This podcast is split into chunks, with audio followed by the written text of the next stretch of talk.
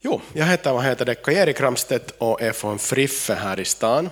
Och många, många känner jag här, men många är också, också nya för mig. Trevligt att, att se er. Uh, jag är glad att få dela Guds ord med er och uh, jag vet att ni har haft det här med helighet och också helgelse som tema här på Metsko. Och det är ju ett väldigt viktigt tema, uh, dels för att det förstås är så uppenbart i Bibeln på något sätt, både i Gamla Testamentet och också i Nya.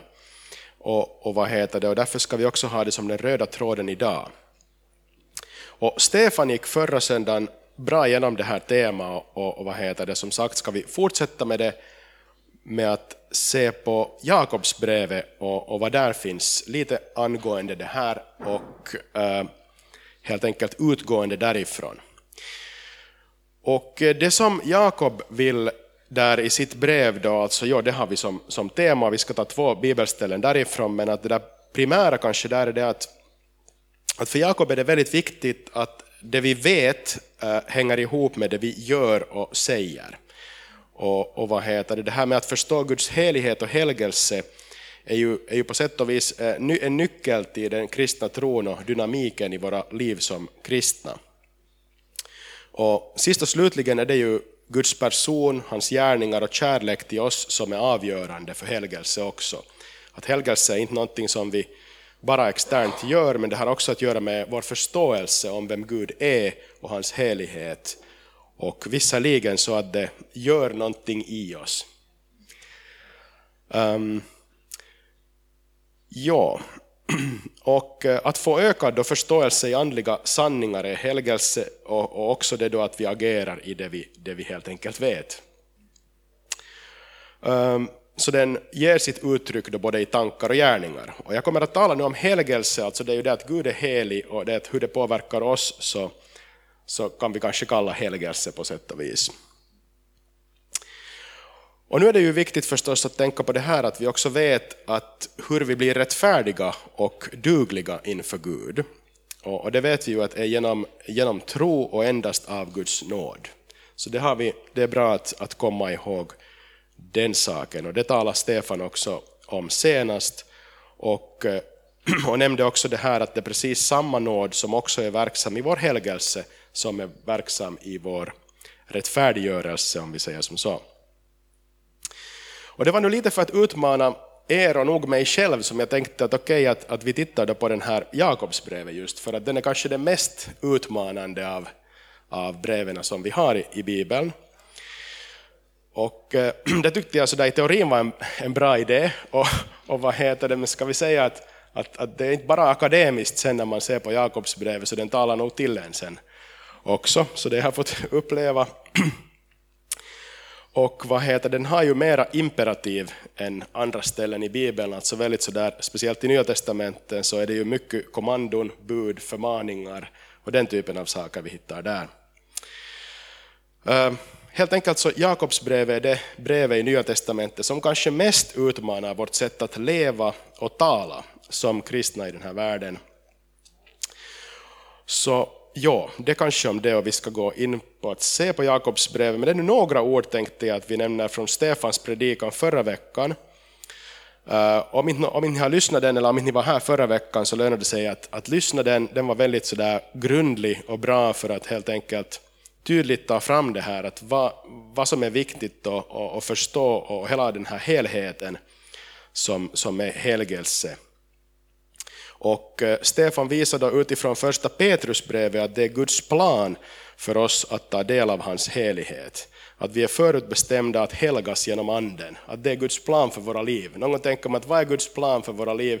Åtminstone är det Guds plan för våra liv att vi blir helgade.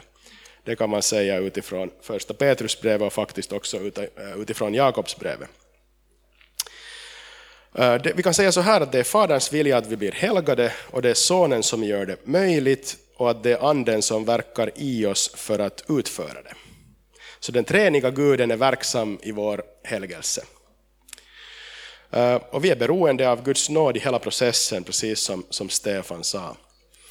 Eh, ett bibelställe om vi, som vi har i Romarbrevet 8.29 så säger så här att dem som han i förväg har känt som sina har han också förutbestämt till att formas efter hans sons bild. Och det där kanske vi kan tänka att en sån definition av, av, av helgelse, eh, att formas efter hans sons bild. Eh, och eh, så som sagt, om vi frågar oss att vad, är, vad är Guds vilja för våra liv, så åtminstone har vi det där eh, ganska klart och, och tydligt. Men sen ännu några ord tänkte jag om det här att det är ju inte något förfärligt lätt tema det där med helgelse egentligen, om vi tänker på hur kämpigt det har varit att förstå, om vi tänker på kyrkohistorien i det stora hela. Så inte hade det ju varit för Kristi kropp och för kristna överlag i historien något väldigt lätt att förstå det där, utan man har blandat ihop det ofta. Och man har blandat ihop det att vad är det som frälsar oss och vad är det som sedan följer efter att vi har kommit till tro. Och man har muddrat ihop det där och det har orsakat en massa problem och gör det säkert ännu idag. Och, därför är det förfärligt, eh, eller själv var jag väldigt sådär uppmuntrad av just Stefans predikan, för, för det, när man får det klart på något sätt, det där framför sig, så är det väldigt värdefullt. Eh, det är något som bygger upp ens tro och man förstår helheten i Bibeln på något sätt. Att, att det, det är väldigt, väldigt viktigt. Jag hittade en sån här sak som Luther har skrivit i, i, vad heter det, i förordet till sin kommentar till Romarbrevet eh, om, om tro. Och eh, Luther var den som nämligen lite var sådär kritisk till Jakobsbrevet, så jag tänkte att jag kollar på vad, vad Luther säger om tro. Ehm, och, och han, han skriver så här att det är en levande, verksam, aktiv, mäktig sak denna tro. Det är omöjligt för den att inte ständigt göra goda saker. Den frågar inte om goda gärningar ska göras, men innan frågan ställs har den redan gjort det och gör dem ständigt. Den som inte gör sådana gärningar är icke troende. Han famlar och ser sig omkring efter tro och goda gärningar, men vet varken vad tro är eller vad goda gärningar är.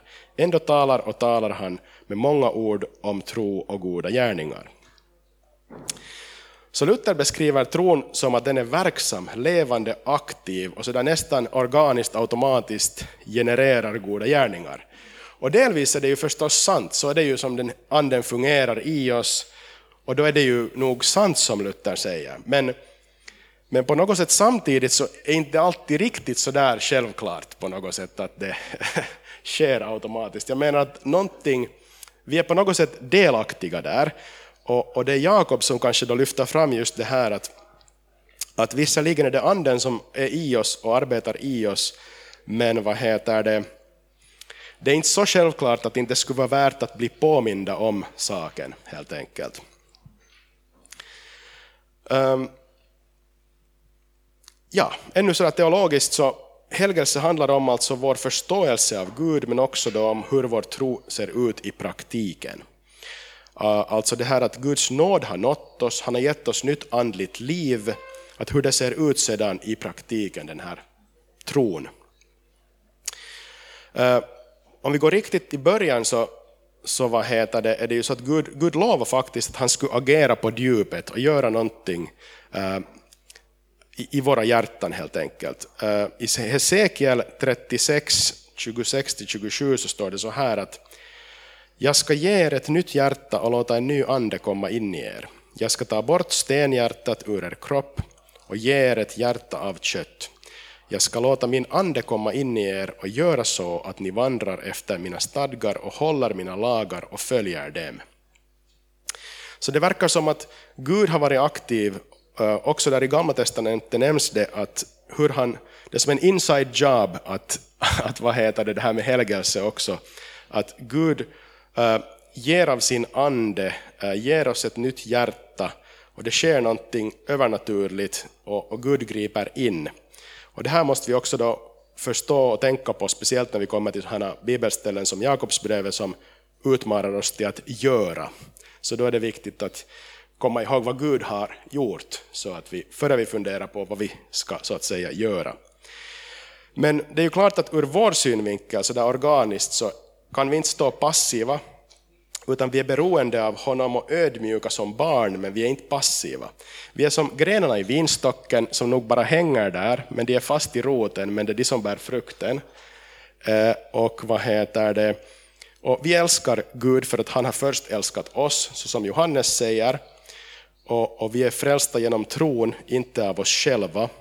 Och vi är kallade till goda gärningar som Gud har förberett för att vi ska vandra i dem. Så där är några aspekt om det att hur vi är delaktiga, fast Gud är den som är så att säga roten. Men okej, nu hoppar vi in i Jakobsbrevet. Och några ord om, om Jakobsbrevet. Vi kommer att se på två ställen. Vi kommer att vara i första eh, kapitlet, verserna 18 till 27 och sedan om en stund i kapitel 2, verserna 14 till 26.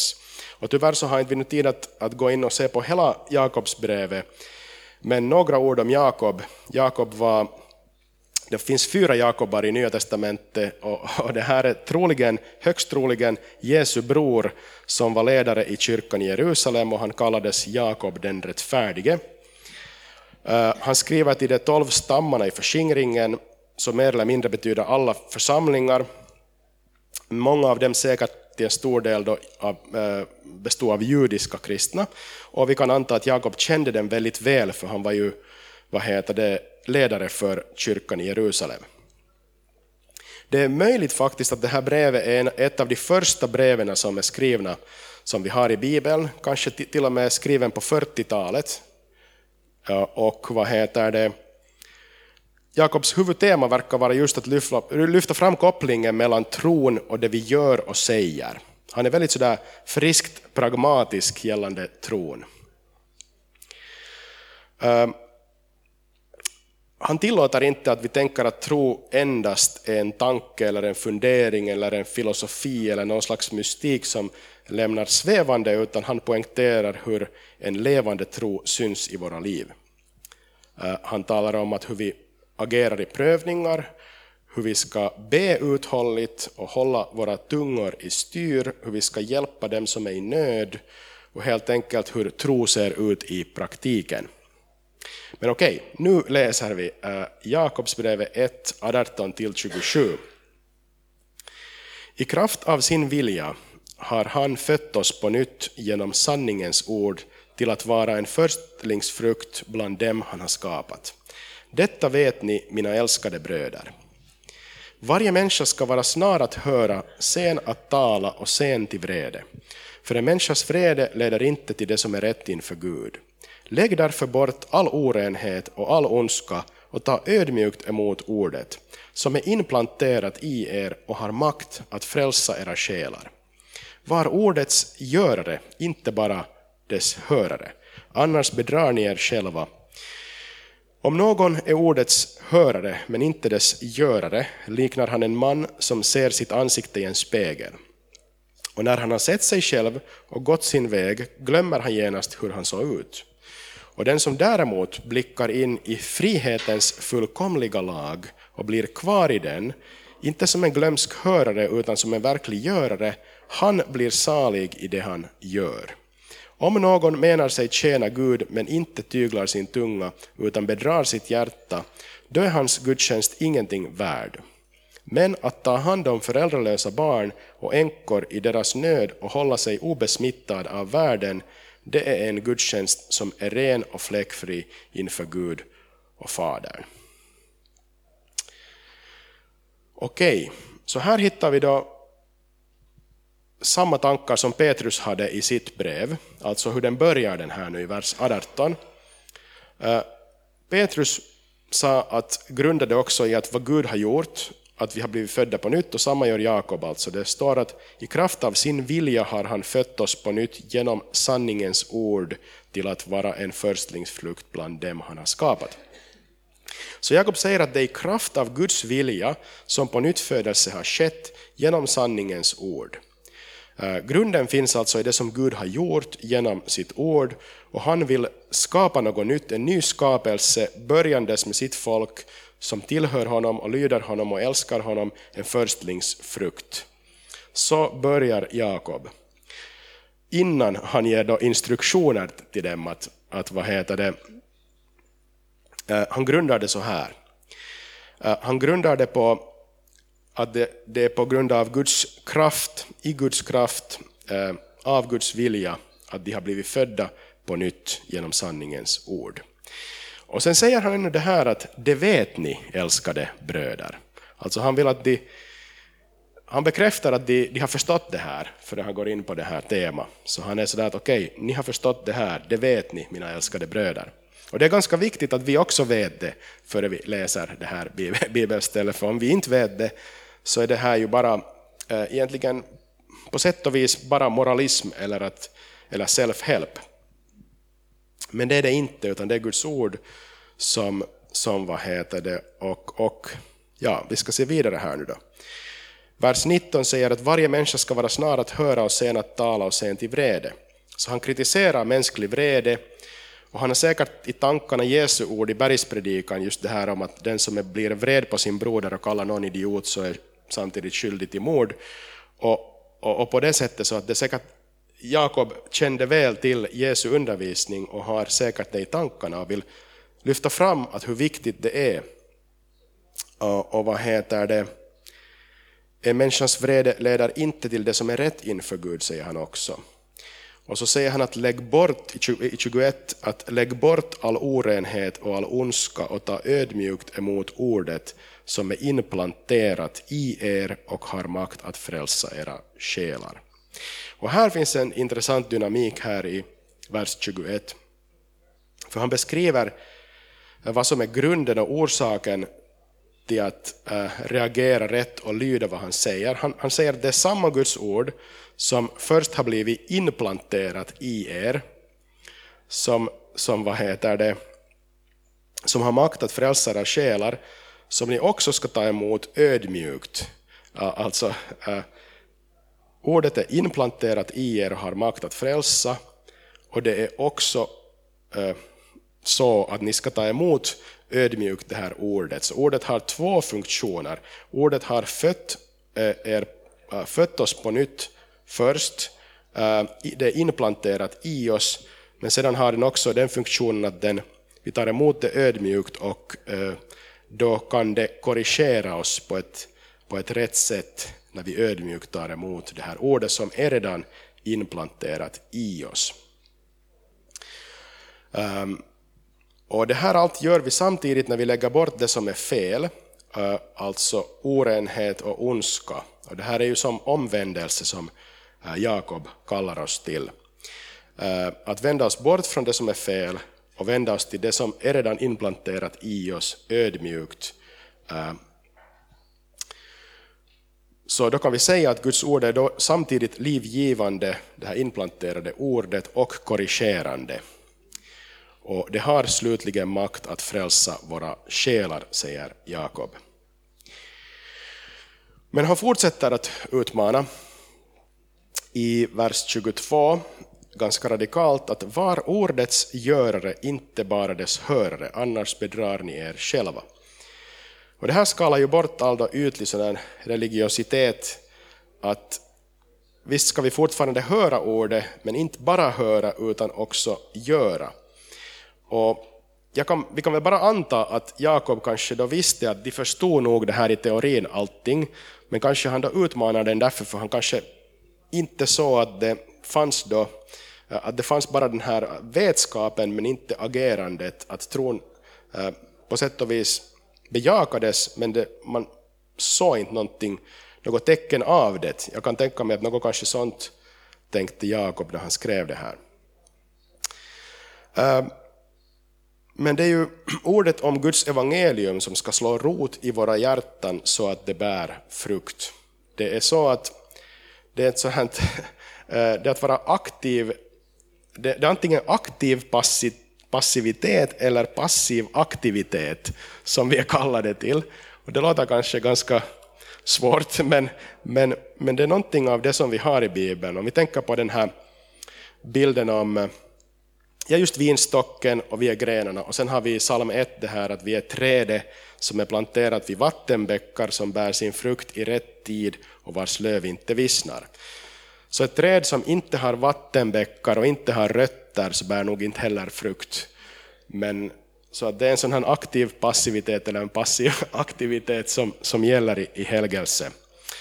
Uh, och uh, det finns tydligen då i Bibeln en sån här bild av ett sånt friskt kristet görande och, uh, och då är det viktigt att, att ha de här rötterna också i, i tankarna, att varifrån, varifrån kraften till det hela kommer och, och var rötterna ligger i det här implanterade ordet. Och det verkar som så att enligt Jakob så tycks det inte vara ett valfritt extra för de som vill vara extra kristna eller speciellt bra, utan, utan han, han på något sätt lägger ut det här som att, att det är så här tro ska se ut enligt Jakob. Och sen tar han ännu ett exempel. Då. Han talar om en man som ser i en spegel men som genast då glömmer hur han såg ut och går vidare.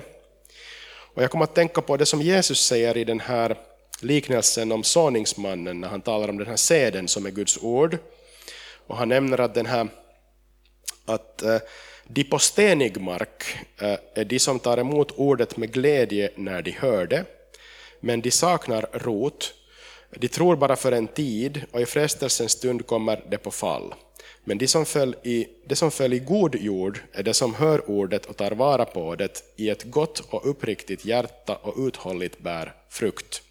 Så också Jesus använder bilden av rötter, eh, att uthålligt bär frukt, eh, det som hör ordet och tar vara på det i ett gott och uppriktigt hjärta. Eh, och ja, det som saknar sen i en rot, så är det som på något sätt inte bär, bär frukt. Så Jesus har liknande tankar här. Och eh, de har ju, om vi bara läser det här som utan att uh, först ha tagit emot det vad Jesus har gjort för oss, det har Gud gjort för oss, så låter det här ju som en uh, väldigt utmanande, eller det är det nog annars också, men att jag menar att, att det är viktigt att, att också tänka när vi läser de här Jesu liknelser, att, att komma ihåg att han är också den som dog på korset för oss, just därför för att vi inte äh, i oss själva var och är rättfärdiga. Men i varje fall så talas det om den här frukten och, och, och ja, men i varje fall, ändå tillbaka till det här exemplet där, så det var ju det här att den som, när man ser den här äh, sig själv i spegeln och det talar till en att man inte genast ska gå vidare utan, utan bli kvar. Och det talar han om i vers 25. Han säger att den som däremot blickar in i frihetens fullkomliga lag och blir kvar i den inte som en glömsk hörare utan som en verklig görare, han blir salig i det han gör. Så det gäller att bli kvar i frihetens fullkomliga lag, inte i Moselag. Vi är inte kallade att stirra in i Moselag, utan att stirra in i och se, blicka in i frihetens fullkomliga lag. Um, och och det finns en frihet att inte, till exempel om vi tänker på att synda, som världens bild av frihet är ju att få, få synda så mycket som möjligt på något sätt. Att det är frihet, att få göra vad man tycker. Men biblisk frihet och den här friheten är det att vi inte behöver synda. Eh, att vad heter det, det finns någonting här av den här frihetens fullkomliga lag som, som vi ska hållas i och, och vad heter det, Augustinus beskriver det så här att, att, vad heter det, att människan efter pånyttfödelsen har möjlighet att inte synda, att det är frihet. Att vi har möjligheten att inte synda. Att August, enligt Augustinus så har vi inte ens möjligheten att inte synda ungefär om vi inte har, eh, om inte har blivit födda på nytt, om vi inte har Guds ord i oss. Så, så det är en frihet i att, i att få vad heter det, inte behöva synda helt enkelt. Och det här har vi genom det här ordet som är implanterat i oss, ordet som korrigerar oss och framförallt i det som Gud har gjort för oss. Ehm, jag vet inte, jag kommer inte ihåg att nämnde Stefan det här bibelstället förra gången, det här andra Korintierbrevet 3, 17-18. Men här finns något liknande. I det här att, alltså andra Korintierbrevet 3, 17-18. Ehm, det står så här att Herren är anden och där Herrens ande är, där är frihet. Och alla vi som med obeslöjat ansikte ser Herrens härlighet som i en spegel, vi förvandlas till en och samma bild från härlighet till härlighet. Det sker genom Herren, anden. Alltså det här att hållas i frihetens fullkomliga lag, att hållas i Guds närhet och att blicka hans härlighet och då förvandlas vi. Och Det är det som Jakob med lite olika ord kanske här säger att, att det är där vi ska ha våra, våra tankar och våra blickar och rötter och vad heter det, där sker förvandlingen. Och, och sen tar han ju fram det här ännu med tungan i vers 26, som är väldigt utmanande också här. Um, och den har slått många gånger ner kraftigt på något sätt. På mig upplever jag den här bibelversen också. Att, för det står så här faktiskt att om någon menar sig tjäna Gud men inte tyglar sin tunga utan bedrar sitt hjärta, då är hans gudstjänst ingenting värd. Det där att om vi är här och firar gudstjänst och sedan går ut och, och genast äh, låter vår tunga säga något väldigt äh, giftigt och, och vad heter det, ont, så är det som att vi negerar vår gudstjänst. Äh, han säger att då är vår gudstjänst ingenting värd. Ehm, och då bedrar vi vårt eget hjärta. Så att eh, om inte den här tron som vi bekänner och talar om då påverkar vår tunga så är vår gudstjänst ingenting värd, det som han säger. Och i kontrast till det så säger han att i motsats till, så ifall vår tro då visar sig att vi istället tar hand om de svaga i deras nöd och håller oss obes, obesmittade av världen, så är det en gudstjänst som är ren och fläckfri inför Gud och Fadern. Så det vi gör och säger, och ja, det vi hör och det vi säger och gör har betydelse, eh, vill Jakob understryka där. Ehm, men att, ja, det där får var och en fundera på, men, att, men också att komma ihåg att ha blicken i frihetens fullkomliga lag medan vi gör det. Vi tar nästa ställe, Jakobsbrevet 2, 14-26. Och där står det så här att mina bröder, vad hjälper det om någon säger sig ha tro men saknar gärningar? Den tron kan väl inte frälsa honom? Om en broder eller syster saknar kläder och mat för dagen och någon av er säger till dem, gå i frid, klä er varmt och äter mätta, men inte ger dem vad kroppen behöver, vad hjälper det? Så är också tron i sig själv död när den är utan gärningar. Nu kanske någon säger, du har tro. Ja, men jag har också gärningar. Visa mig din tro utan gärningar, så ska jag visa dig min tro genom mina gärningar. Du tror att Gud är en, det gör du rätt i. Även de onda andarna tror det och bävar. Men vill du inte inse, den tanklösa människa, att tron utan gärningar är död? Blev inte vår far Abraham erkänd som rättfärdig genom gärningar när han bar fram sin son Isak på altaret. Du ser att hans tro samverkade med hans gärningar och genom gärningarna blev tron fullbordad. Så uppfylldes skriften som säger att Abraham trodde Gud och det tillräknades honom som rättfärdighet och han kallades Guds vän. Ni ser alltså att människan erkänns som rättfärdig genom gärningar och inte bara genom tro. Blev inte den prostituerade Rahab på samma sätt erkänd som rättfärdig genom gärningar när hon tog emot sändebuden och släppte ut dem en annan väg? Liksom kroppen utan ande är död, så är tron utan gärningar död. Okej, så väldigt utmanande verser igen. Och det här var i teorin en bra, bra tanke tänkte jag, men alltså ja, de här orden har nog äh, jag, inte, jag ska säga att jag står inte här därför för att jag har det här på klart, det är inte därför jag är här idag, men, men det här är den bibelversen som jag tänkte att vi skulle se på när det gäller helgelse. Och eh, ja, så vad hjälper det om någon säger sig ha tro men saknar gärningar? Det är det som Jakob frågar och säger att den tron kan inte frälsa honom. Och han tar det här exemplet som sagt med, om den här som säger att gå i frid och klä dig varmt och sköta om dig utan att göra någonting när man ser en syster eller broder i nöd. Så, så här allvarligt talar Jakob till det här temat. Vi kanske nog också tänker att det här är viktigt, men, men enligt Jakob så är det riktigt väldigt viktigt. Um, och nu måste vi vara försiktiga, för nu här exakt finns den här kyrkohistoriska minan på något sätt också. Att det här har ju tolkats så här att, okay, att här står att tro plus gärningar är rättfärdiggörelse. Men så står här inte. Istället står här att tro är lika med rättfärdiggörelse plus gärningar. Alltså här står inte att tro plus gärningar är rättfärdiggörelse. Alltså att vi ska ha både tro och gärningar för att bli rättfärdiggjorda. Utan här står att tron, beskrivs tron, att tron innebär rättfärdiggörelse inför Gud och gärningar. Så den, Jakob berättar hur det ser ut, eh, vad en levande tro innebär och, och, och vad heter det, också då gärningar. Så vi ska inte tappa greppet om den sanningen utan komma ihåg det. Men ja, det gäller alltså vår attityd till en syster eller broder som vi möter i vårt liv som är i nöd.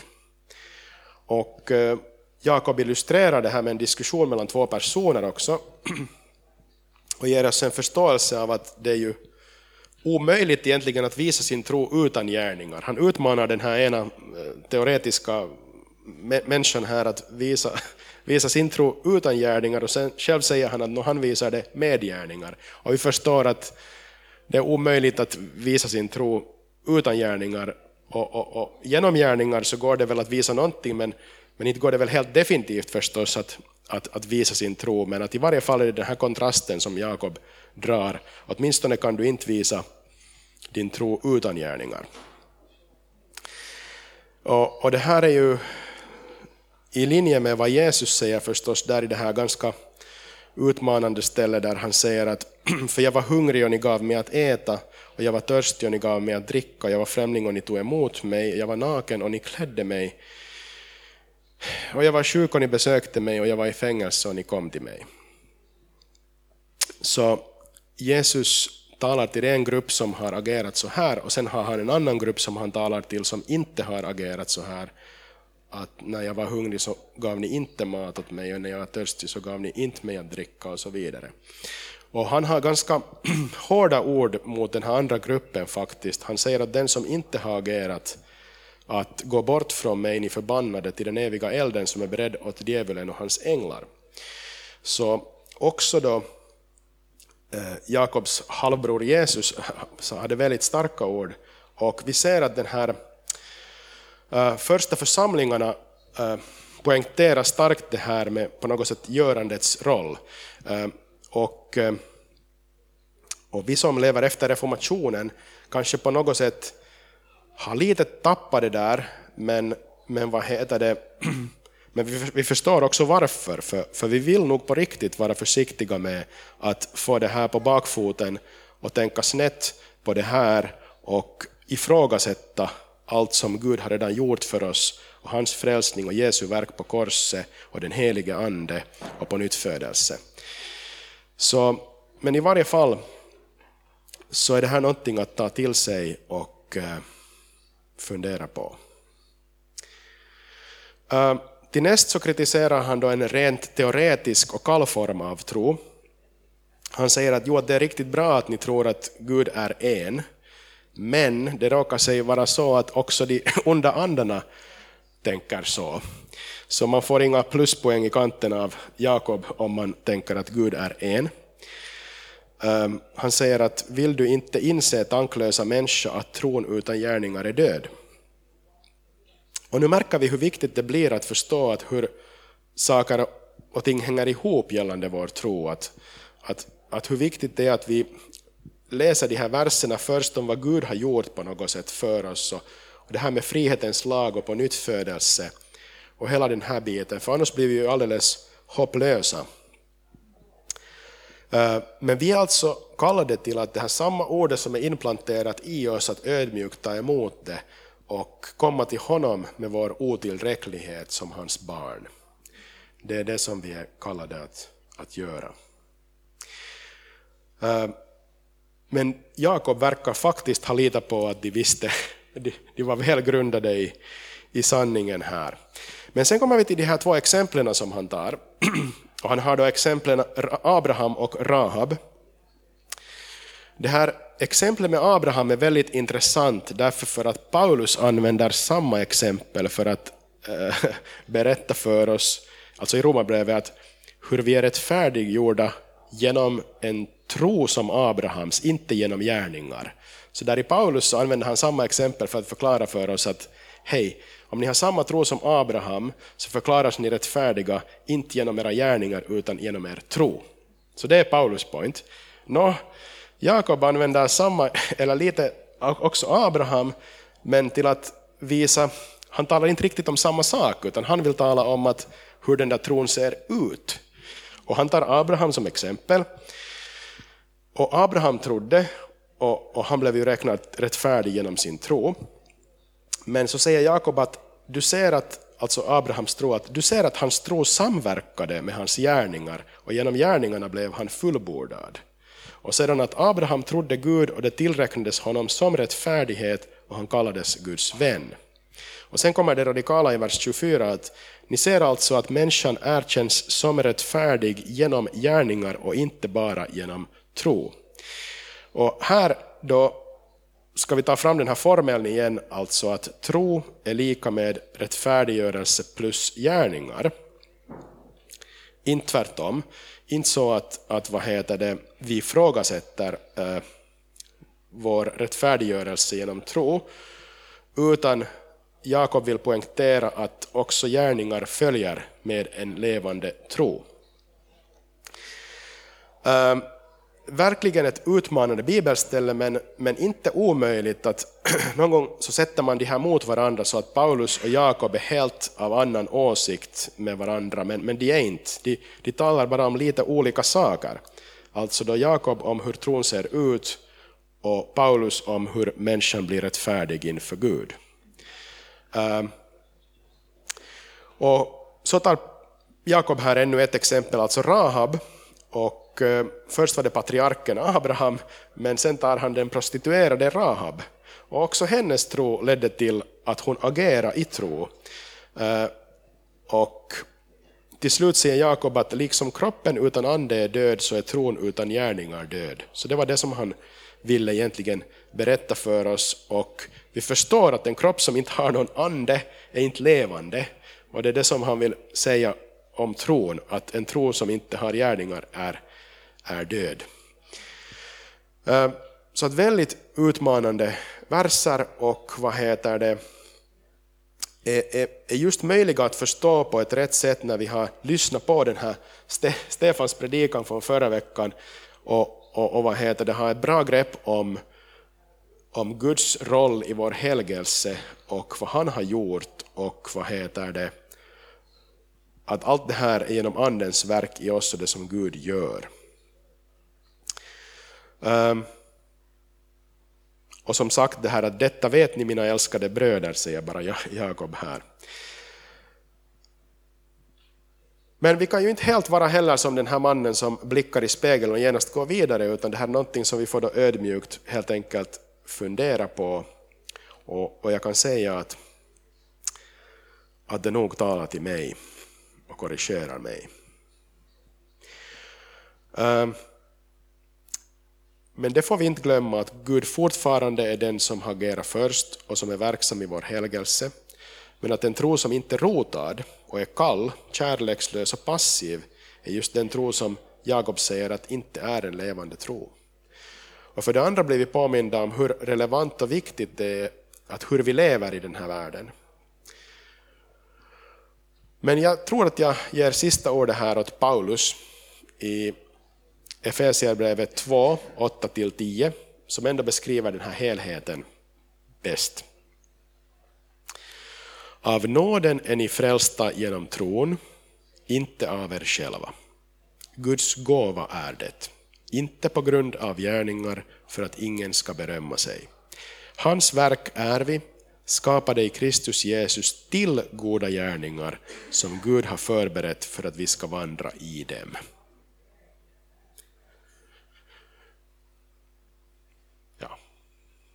Där slutar vi. B till slut.